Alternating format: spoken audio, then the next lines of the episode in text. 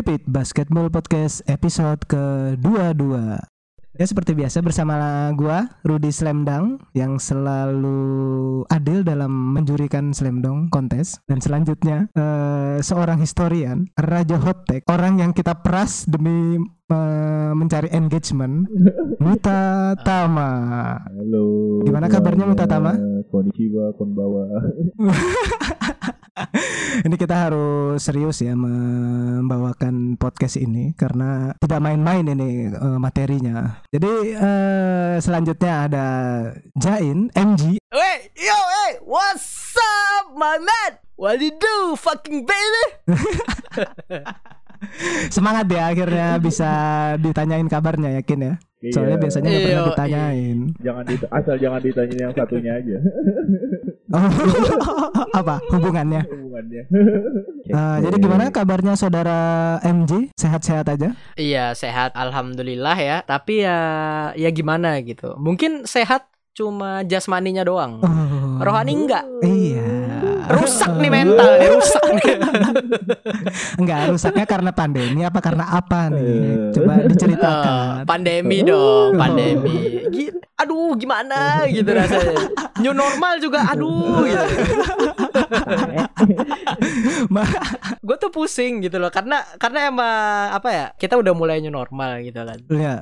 Tapi tetap parno. Nah, karena juga kan Gitu. dari pemerintah udah PSBB udah dibuka ya, udah jadi new normal, tapi ya secara data tetap meningkat korban. Tetap naik terus. eh. Nah, jadinya kan kita bingung nih mau senang apa Parno nih. Ah. Soalnya Udah nomor satu loh se Asia Tenggara loh. oh itu dia. Oh, Eh, ya? udah nomor satu. Nomor satu setelah Singapura. Eh udah nyalip Singapura per hari ini. Waduh, parah sih. itu. Prestasi emang. Iya. Enggak, enggak, enggak. Dan kita kita nggak boleh. nah. iya, karena saking normalnya lah. Oke, misalnya kegiatan primernya normal, tapi kegiatan sekundernya juga normal, kayak nongkrong-nongkrong, udah kayak biasanya. Cuman tambah atribut kayak pakai eh, masker, kadang juga ada yang baru kan face shield itu sekarang banyak modelnya ya. Iya. Ah, jadi ya maksud gua new normal ini gue juga bingung menanggapinya. Orang juga butuh kerja, tapi faktanya pengen nongkrong-nongkrong juga, kayak ngerasa nggak ada pandemi gitu. Bedanya new normal ini cuma pakai ini aja, pakai atribut masker aja, udah itu aja bedanya. Iya. Bedanya memberikan peluang-peluang bisnis baru dalam konveksi. Iya. Itu aja, bikin-bikin masker. Kita nggak mau ngeluarin masker nih. Iya. Wah, wah. Wah, ide bagus tuh. Bisa sih Mas anu giveaway masker tripit ya Iya. kayaknya ada ada Iya. logonya tripit. dari baju bekas saya. si anjing. Eh, bisa pakai baju bekas tapi bekas takin. Nanti Eh. orang paling mungkin agak agak sem dikit gitu bekas takin. Itu BTW buat pendengar nih Takin jarang mandi ya. Aduh, sebenarnya kan untuk episode ini kita pengen ngobrolin tentang NBA Award ya sebenarnya. Tapi karena dari episode sebelumnya kita udah euforia nih karena NBA bakal balik, tapi sekarang bingung lagi, malah lebih kebingung ya jadinya ya. Iya. Karena ada beberapa dilema lah masuknya itu, Hmm. dilema dari NBA untuk melanjutkan apa tidak, terlebihnya dari pendapat beberapa pemain. Kalau kita tahu di utarakan pertama sama Kyrie ya, kalau Driving force-nya Kyrie ya. Iya, driving force-nya Kyrie. Jadi dia bilang kan intinya itu NBA itu jangan dilanjutkan karena ini isu rasisme dan police brutality ini masih belum selesai gitu loh. Uh, injustice-nya itu masih belum selesai. Jadi dari situ kan emang masuk akal ya uh, alasan itu bahkan Adam Silver pun juga menanggapi dengan baik ya karena uh, akhirnya menjadi sebuah dilema juga. Hmm. Dan kalau misalnya boleh tahu gimana sih kronologinya gitu. Nah, ini buat kronologinya ya dari dari awal itu kan minggu kemarin itu ada pengumuman kalau tanggal 31 Juli nih buat Hmm. NBA buat baliknya gitu Hmm. kan. Yoi. Terus tiba-tiba dimajuin jadi tanggal 31. Eh, jadi kan 22 tim yang ikut itu bakal tinggal di Orlando di Disneyland selama 3,5 bulan Iya. dan nggak boleh keluar-keluar dari they call it bubble Iya. gitu kan. Nah, Nah, di sini mungkin ya kalau menurut gue pribadi ini jadi trigger buat beberapa pemain gitu. Eh, kalau nggak salah, gue lupa ada baca beritanya gitu kan dia bilang yang pengen NBA lanjut itu 70% gitu, yang nggak pengen sekitar 30%. ah, Nah, dan di sini nama Kyrie ya, karena kan Kyrie kita tahu nih, yoi. maksudnya dia drama drama dramanya kan ada dari musim berjalan pokoknya selama dia meninggalkan Cavaliers Iya. Ya dia dia inilah maksudnya udah sering apa ya? Ya pokoknya deket lah sama yang beginian Bisa gitu. dibilang Hmm. bisa dibilang kalau lebih halusnya yang lebih vokal. Nah, Iya. ya lebih vokal. Terima kasih Nah, Takin sudah memperhalus ya. Takin ini asal ini aja asal nyablak aja dia. Tumben-tumben nih ngomongnya halus nih. iya. Nah, intinya kan black players ya. Maksudnya Hmm. black NBA players itu pengen dapat mengutarakan suaranya Iya. gitu kan. Termasuk eh, s- ya mungkin gue yakin semua semua orang pengen mengutarakan suaranya Hmm. gitu terhadap isu rasisme yang terjadi di Amerika sana gitu. Apalagi eh, racial oppression gitu-gitu kan. Eh, dan ini di apa ya nama-nama gedenya kan termasuk Kyrie, Dwight Howard gitu-gitu kan. Yang against buat NBA resuming gitu. Hmm. Yang udah secara terbuka menyatakan itu gitu. Ah, dan Adam Silver sendiri eh, ngasih tahu kalau misalnya ada pemain yang pengen sitting out Hmm. Hmm. di waktu NBA resume gitu, nggak apa-apa gitu loh. Ya. Diberi ini, diberi Ah. jalan gitu lah istilahnya. Ah. Cuma maksudnya ada beberapa counter-counter argumen gitu ya. Sebelum Hmm. sebelum gua ngasih counter argumen dari beberapa pemain, eh gue pengen nanya si Takin dulu nih. Nih kalau menurut lu poin yang pengen disampaikan Kyrie itu kayak gimana deh? Eh mungkin poin yang Kyrie pengen sampaikan takutnya NBA resume itu menjadi distraksi untuk perjuangan yang saat saat ini masih belum membuahkan hasil gitu. Ada beberapa faksi, ada yang di Van de Polis entah itu ada reformasi polis itu sendiri. Dia takutnya Hmm. ketika NBA main, orang menjadi lupa, orang jadi fokus ke NBA dan menjadi lupa tentang isu tersebut gitu. Itu mungkin Kyrie datangnya dari situ gitu. Dan gua bisa Oh. paham Ah, gitu, benar. kayak gimana. gitu. Ah. Dan Kyrie sendiri kan di sini dia willing to do everything gitu. Pokoknya buat cover up mungkin biaya atau gimana ya eh, detailnya kan kita juga kurang tahu gitu kan. Yang mana dari para pundit nih, para pundit NBA maksudnya kayak eh, Chuck Norris gue lupa salah. Charles Barkley. Ya. Kelamaan kan nonton NBA. kayak Charles Barkley. Ah. Intinya orang kayak Charles Barkley, Kendrick Perkins gitu dan yang paling vokal mungkin eh, Stephen A. Smith ya. Iya. Eh, yang mana di media personality gitu yang mana mereka bilang terkhususnya Stephen A. Smith gitu kalau racial injustice bakal tetap ada untuk tahun-tahun mendatang gitu maksudnya ini cuma bisa dirubah oleh parlemen Iya Ah. kita, kita kan bukan ranah kita ya itu ya udah jalur Iya, hukum dan lain sebagainya gitu kan Hmm. Cuma yang jelas Stephen A. Smith bilang yang dilakuin Kyrie Irving sama Dwight Howard dan pemain-pemain yang gak setuju lainnya. Ya. Masa lu sitting out karena di tempat kerja lu lu takut kena systemic rasisme gitu loh. Iya. Ya ini kan Stephen A. Smith kan ngomong gini kan sebagai black person as well gitu kan. Jadi Iya. mungkin ya ada benernya juga. Maksudnya gua nggak nyalain semuanya nih. Dua-duanya mereka poin punya poin gitu. gitu. Yang kubu yang pengen ngelanjutin NBA gitu kayak LeBron sendiri gitu kan Iya. yang di Twitter dia dia tuh simple gitu kan. Yang mana Pat Hmm. Bev langsung ya. Hmm. Langsung ngejilat. Iya. kirim gua ke Lakers, kirim gua ke Lakers katanya gitu. Eh, eh, pokoknya LeBron berkata, kita Iya. menjawab. iya. Cuma maksudnya gimana ya? LeBron kan emang sekarang eh, still the face of the NBA Iya. gitu kan. Iya. Still mungkin ber- ada benernya gitu dan Authentic sendiri bilang Authentic ID Bang Iril Iya. eh, yang mana dia ada ngeluarin sampai ngeluarin I- IGTV sekitar Iya, 20 menitan. menit ya. Itu IGTV apa konten YouTube itu Bang ya? Panjang sekali. Ajakin kita bisa kali. Iya iya iya iya iya bisa bisa. ya maksudnya eh, si Authentic gitu kan. Dia ada di tim ini di di kubu LeBron juga eh, Hmm. soal kembalinya NBA gitu. Karena seperti yang Austin Rivers bilang, Ya. nah ini ada quote-nya Austin Rivers, eh, why can we do both gitu kan. Kenapa Hmm. kita nggak bisa nerusin NBA tanpa mengurangi mengutarakan suara kita terhadap social adjustment gitu. Iya, mungkin lebih kayak eh, kita masih bisa menyuarakan social injustice dengan bahkan kita dengan game NBA pun bisa ini sambil menyuarakan so- social injustice itu karena Iya. secara nggak langsung NBA mulai kan penjuru dunia yang lihat. Iya. Jadi beberapa orang-orang dari negara-negara lain yang tidak begitu paham tentang masalah ini bisa nanti secara kreatif pemain-pemain bikin penyuaraan itu. Eh, mungkin juga ya NBA sendiri bisa menjadi avenue, bisa menjadi echo chamber untuk penyampaian pesan-pesan tersebut gitu. Pesan-pesan terhadap anti rasisme dan juga ra- melawan r- racial injustice kan bisa bisa dijadikan avenue di situ NBA sendiri karena skopnya NBA juga kan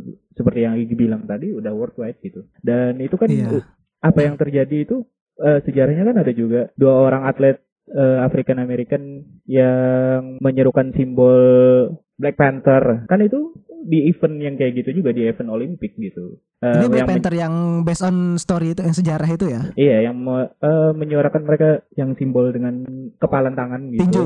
Eh, Iya, ya itu kepalan kan tangan. Sports itu bisa menjadi wadah lu untuk eh, menyuarakan itu gitu. Dan Nah, itu bisa iya. menjadi skop yang lebih besar, bisa membawa orang lain juga untuk ikut peduli gitu. Mm-mm. Mhm. Ya, yang mana Kyrie sendiri eh, gimana ya? Maksudnya kan mungkin yang trigger dari Kyrie dan kawan-kawan adalah mereka kan nggak bisa keluar gitu kan, Hmm. buat menyuarakan suaranya gitu kan. Tapi kan maksudnya yang dari pengen main ini adalah banyak pemain NBA yang selama pandemi ini nggak dibayar gitu kan. Ya, itu dia. Ah, Gua kalau nggak salah, gue nyari tahu cuma sekitar kalau nggak 13 pemain 13%. Jadi eh, kalau misalnya gua salah eh, bisa dibenerin nanti ke depannya buat teman-teman yang ngedengerin ini ya. Jadi cuma 13 pemain atau 13% yang dibayar gajinya selama NBA pandemi gitu kan. Dan juga ada poin selain tadi Kyrie takut apa takut nggak bisa keluar tadi, yang ditakutkan adalah terjadinya kayak kasus Kaepernick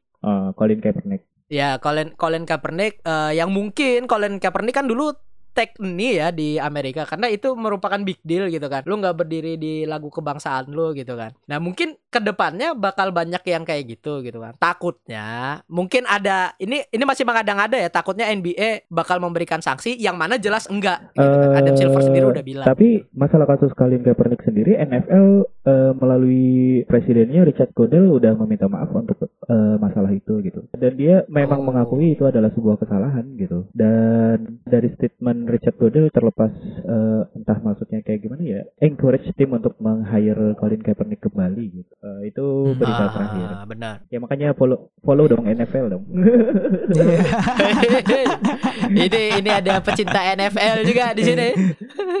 Jadi kalau kita belum ini aja, belum reach out aja lagi ke orang satunya. yang namanya belum belum belum boleh disebut nih. Eh, siapa tuh? Siapa tuh? Eh nama ininya T lah, nama awalannya T. Timek, Timek maksudnya. Timek Timek Tracy McGrady. Oh berarti maksudnya kalau eh, yang lu bilang di NFL sendiri mereka udah minta maaf kan? Iya. Dan selebihnya udah ngakui kesalahannya juga Hmm. Dan udah encourage Kaepernick sendiri buat eh tim lain buat rekrut Kaepernick gitu kan. Iya. Dan itu walaupun terlepas itu nggak menghapus eh, apa ya racial injustice-nya itu sendiri, tapi kan ada menunjukkan ada perubahan yang ke arah lebih baik gitu. Agar atlet nggak cuman eh, dibatasi sebagai seorang atlet, tapi juga menjadi people gitu, Hmm. yang dilindungi First Amendment rights-nya untuk menyuarakan menyuarakan pendapat gitu. Ah, ya jadi maksudnya dan dan di sini juga ya eh berarti kan gue jadinya akhirnya kan jadi ini nih. eh, berarti kan lebih bagus ya Iya, ada ku- perubahan kultur yang lebih bagus gitu. Ah, perubahan kultur. Jadi mungkin nih kayak apa yang misal NBA bakal balik nih, misal NBA balik. Hmm. Otomatis kan pemain-pemain bakal menyuarakan. Gue yakin sih semua pemain bakal menyuarakan gitu. Kan udah udah pernah juga LeBron yang sebelumnya ketika kasus Eric Garner. Oh. Ah, itu juga ada gitu kan. Kayak pokoknya banyak sebenarnya tuh yang pengen NBA balik, yang pengen NBA berjalan kembali itu bukan berarti mereka nggak menuntut ras apa menuntut keadilan buat racial injustice atau racial oppression gitu. Bukan kan? Bukan. Karena kita tahu lah semua orang tersakiti gitu loh. Maksudnya yang kita lihat ya, semua orang pasti tersakiti kalau eh, ngelihat apa yang terjadi di Amerika sekarang gitu. Apalagi orang yang di dalamnya Iya. gitu. Hmm. Eh, dengan kembalinya NBA kan apa yang kayak lu bilang tadi jadi avenue buat mensosialisasikan tentang racial injustice ini. Tuh. itu itu nggak bakal eh, membatasi lu untuk eh, menyuarakan suara kalian Ah, benar. Daripada maksudnya ada ya. Ini ini gua gua ada ngasih tahu yang ada poin lagi eh, dari Ed Davis eh, yang mana kalau teman-teman nggak tahu ini ini pemainnya Utah Jazz. Pemainnya Jazz. Dia bilang eh ya itu gampang buat Kyrie gitu loh ngomong kayak gitu. Itu gampang buat Dwight Howard ngomong kayak gitu gitu kan. Ini kan dia pemain yang biasa nih itu kan Ed Davis gitu kan. Ya Hmm. yang ngedengerin juga nggak tahu gitu. Ini siapa? Gue juga nggak tahu. Ed Davis tuh dulu main di Toronto terus pindah ke Memphis. Nah, ya. ini tahu nih historia. Iya. udah udah jelas nih ya. di tes saya di tes. Kalau di Game of Zone tuh yang tempat buat sejarah tuh apa nama tempatnya? yang dihancurin Kyrie itu. Mediadel. media dia. Nah, Mediadel. ya Mediadel. Ini kalau Takin nih isi kepalanya Mediadel nih dia. ini ini Kyrie beneran maksudnya eh, jadi banyak yang ngomong ya. eh, Ah. Kalau Kyrie tuh jadi the game of zone Kyrie gitu. Iya. The Game of Zone predicted. Predicted future future Kyrie gitu. Cuma Ah. maksudnya eh, banyak pemain yang gak dibayar. Intinya kayak gitu karena selama selama masa pandemi ini kan otomatis kan pertama udah rugi gitu kan. Kalau Hmm. misalnya lu bisa main dan lu bisa nyumbangin ha- gaji lu gitu kan. Hmm. buat pemain itu kenapa enggak gitu loh buat support Black Lives Matter gitu kan kan mereka Iya. punya punya donation punya pasti lah charity. punya punya donation gitu Hmm. Heeh. Pa- pasti bisa gitu loh Eh, jangan jangan mungkin nggak apa-apa kalau misalnya ada pemain yang kayak Adam Silver bilang pengen nggak ikut gitu kan karena Hmm. Kyrie sendiri eh, his season ruled out gitu kan Ya, ya. Ya kan lagian juga nggak cuman pemain, eh, nggak cuman pemain yang selama masa pandemi eh, pendapatannya eh, berkurang, tapi juga orang-orang yang di dalam, Pak. nah itu bener banget Ya. bener banget Ya, Nasib staff-staff lah. Nasib staff yang kecil-kecil kayak gitu. Ya itu perlu dipikirkan juga. Gitu. Eh, jadi gini kan, kalau yang gua lihat dari ininya ya, dari keadaannya kan emang lagi pandemi juga dan juga kan Kerry mungkin merasa dia tidak tidak bisa semaksimal mungkin di saat mungkin lagi pas lagi di Season saat pandemi berlangsung. ini, ha, season berlangsung lagi pandemi dia nggak bisa keluar, dia nggak bisa menyuarakan langsung di jalanan di jalan kan gitu. Tapi kalau menurut gue ya untuk zaman sekarang kalau hal itu kan bukan sesuatu yang ini ya maksudnya eh, menyuarakan langsung itu kan walau karena lu nggak bisa keluar lu bisa menyuarakan dengan cara lain apalagi sekarang kan orang-orang udah di sosial media internet tuh udah menjadi eh, mayoritas orang menghabiskan waktu di situ gitu loh Iya. jadi kan bisa lebih more kreatif lah eh, buat menyuarakan itu gitu Iya. Eh, banyak avenue lain yang bisa dicoba gitu. Lu nggak Ah. bukan berarti dengan lu main bisa menghentikan lu untuk menyuarakan hal tersebut, tapi masih banyak avenue lain yang lu bisa coba gitu. Iya, memang benar. Mm. Mm-mm. Ya dan dan ini sendiri kan kayak misal ang- anggaplah ini ini kan problem yang ini ya masalah yang terjadi di Amerika yang kita beneran gak ngalamin Iya. nih gitu Iya, kan. iya, Ki- benar Kita nggak tahu, kita cuma belajar, kita balik lagi kita cuma pecinta basket yang mana ini kena dampaknya juga gitu kan. Tapi yang yang gua balik lagi yang kayak kata gua bilang, main ini adalah tentang eh, mereka kembali bekerja gitu loh. Eh, Hmm. They back to work gitu kan. Buat balik kerja, eh, main basket adalah pekerjaan mereka gitu loh. Iya. Iya, jadi maksudnya kalau ya kembali mengutip Stephen A. Smith lagi karena mungkin Hmm. kadang-kadang sen sensenya dia jalan gitu. Iya, walaupun walaupun apa salty-salty nggak jelas gitu ya deh kalau ngomong ya. Iya, untuk hal-hal tertentu. Iya, untuk hal-hal tertentu gitu. Kayak banyak lah. Maksudnya eh, ini kan tentang kembali bekerja gitu. Kalau misalnya tadi kata Stephen A. Smith dia bilang kalau misalnya lu nggak kerja karena alasan pandemi itu nggak apa-apa gitu. Hmm. Tapi kalau misalnya lu kerja gara-gara masalah ini gitu kan, Ah. eh, apa ini namanya racial oppression gitu. Iya, Kenapa gitu loh katanya Stephen A. Smith gitu. iya. Kenapa lu nggak menyuarakan suara lu waktu lu bekerja? Balik lagi yang kita awal-awal tadi Iya. gitu, yang ngomong gitu. Heeh. Cuma ya begitu ya karena Eh, tapi eh, ini juga ya maksudnya dibalik itu kan kalau kita lihat secara ekonomikal ya secara ekonomi eh, Amerika juga lagi dalam keadaan krisis masa pandemi ini kan banyak bahkan sampai dalam sebulan pertama masa pandemi itu bis, eh, bisa sampai 10 juta atau berapa juta orang yang dia di tidak bisa membayar sewa dan akhirnya menjadi homeless gitu. Nah, itu kan maksud maksud gua kan jangan sampai inilah maksudnya eh, jangan sampai dengan tidak berjalannya NBA ini bakal memperkeruh krisis ekonomi Amerika juga karena secara nggak langsung sebenarnya tuh ba- banyak masalah gitu bukan hanya di Amerika tapi worldwide gitu loh jadi eh, kembali lagi bukan masalah menyuarakannya tapi lebih alasan kenapa tidak mau dilanjutkan itu aja sih Oh. Oh gitu menurut lu nih. Iya. Eh ya, ya kembali lagi kan dari awal kalau namanya menyuarakan bisa melakukan dengan secara sekreatif mungkin. Sedangkan kita eh, waktunya sangat tidak tepat gitu loh. Maksudnya untuk meng apa namanya mengkorbankan ini. Ini kan ini udah membicarakan nasib orang banyak kalau kayak gini. Ya tadi kembali lagi Iya iya. iya. NBA itu bukan hanya player dan coach dan juga beberapa petinggi tapi NBA itu juga ada staff-staffnya ada yang apa orang-orang middle low lah yang bekerja di situ kalau misalnya cuman player ya misalnya mereka nggak main dan tidak digaji pun mereka masih bisa bertahan hidup untuk beberapa saat coba Ya. bayangin kalau misalnya untuk employee-employee yang middle low yang dia bahkan untuk setiap gajinya tuh sampai 70% cuman buat membayar tagihan-tagihan aja gimana gitu loh nasib mereka gitu. Iya, persoalannya ya kan ya, ya secara ekonomis juga ya kayak gitu tadi. Mau nggak mau jadi new normal juga bagi mereka Iya, gitu makanya. kan. Iya. Iya sih. Jadi ya gimana ya maksudnya selama mungkin ini kita kan nggak tahu nih karena kan persiapan NBA buat menuju 30 Juli apa ya? 30 Juli apa Juni sih? Juli. Juli, Juli kalau Juli. Juli Juli Juli. Juli. Eh, tiga 30 Juli itu persiapannya kan juga ini ya eh, sebulan sebelum kalau nggak salah tuh awal bulan Juli pemain-pemain bakal di situ terus eh, dilakuin tes tes segala macam gitu dan Iya. nggak dibolehin keluar gitu kan walaupun eh, ada yang menarik ya dari kasus ini ya eh, apa tuh kalau misalnya ada yang ngelihat hotline hotline jadi kalau misalnya ada yang ngelihat gitu kan bentar dulu gue jelasin gue Nah, jelasin nah, dulu Oh, jangan ketawa dulu si anjing Sorry sorry. Ngeliat peraturan ini, peraturan yang masalah resume NBA ini ya. Oh, iya.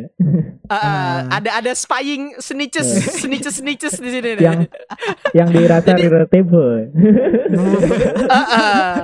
Jadi nih NBA ngeluarin peraturan boleh eh, nelpon gitu Ah. dan nggak bakal dikasih tahu nama yang nelpon Ah. gitu. Iya, anonymous tentang hotline. laporan kalau misal ada pemain yang berkumpul gitu kan Hmm. ada six feet away Ah. harus harus six feet Ah. gitu. Ah. Ada yang lebih deket dari situ selama lebih dari lima detik Ah. eh, lu boleh ngelapor gitu. Ini misal LeBron James nih, LeBron James ngelihat Giannis sama Steph Curry eh, tempering nih, Ah. kan close tuh kan. Nah, kalau misalnya bagi LeBron ya, kalau misalnya ngelihat Giannis sama Kawhi lah lebih ininya ke ketahuan melanggar peraturan itu sebuah kesempatan. Nah, ini padahal kan LeBron James nih tempering juga Eh, paling di iya. sini. kan dia rajanya. Iya.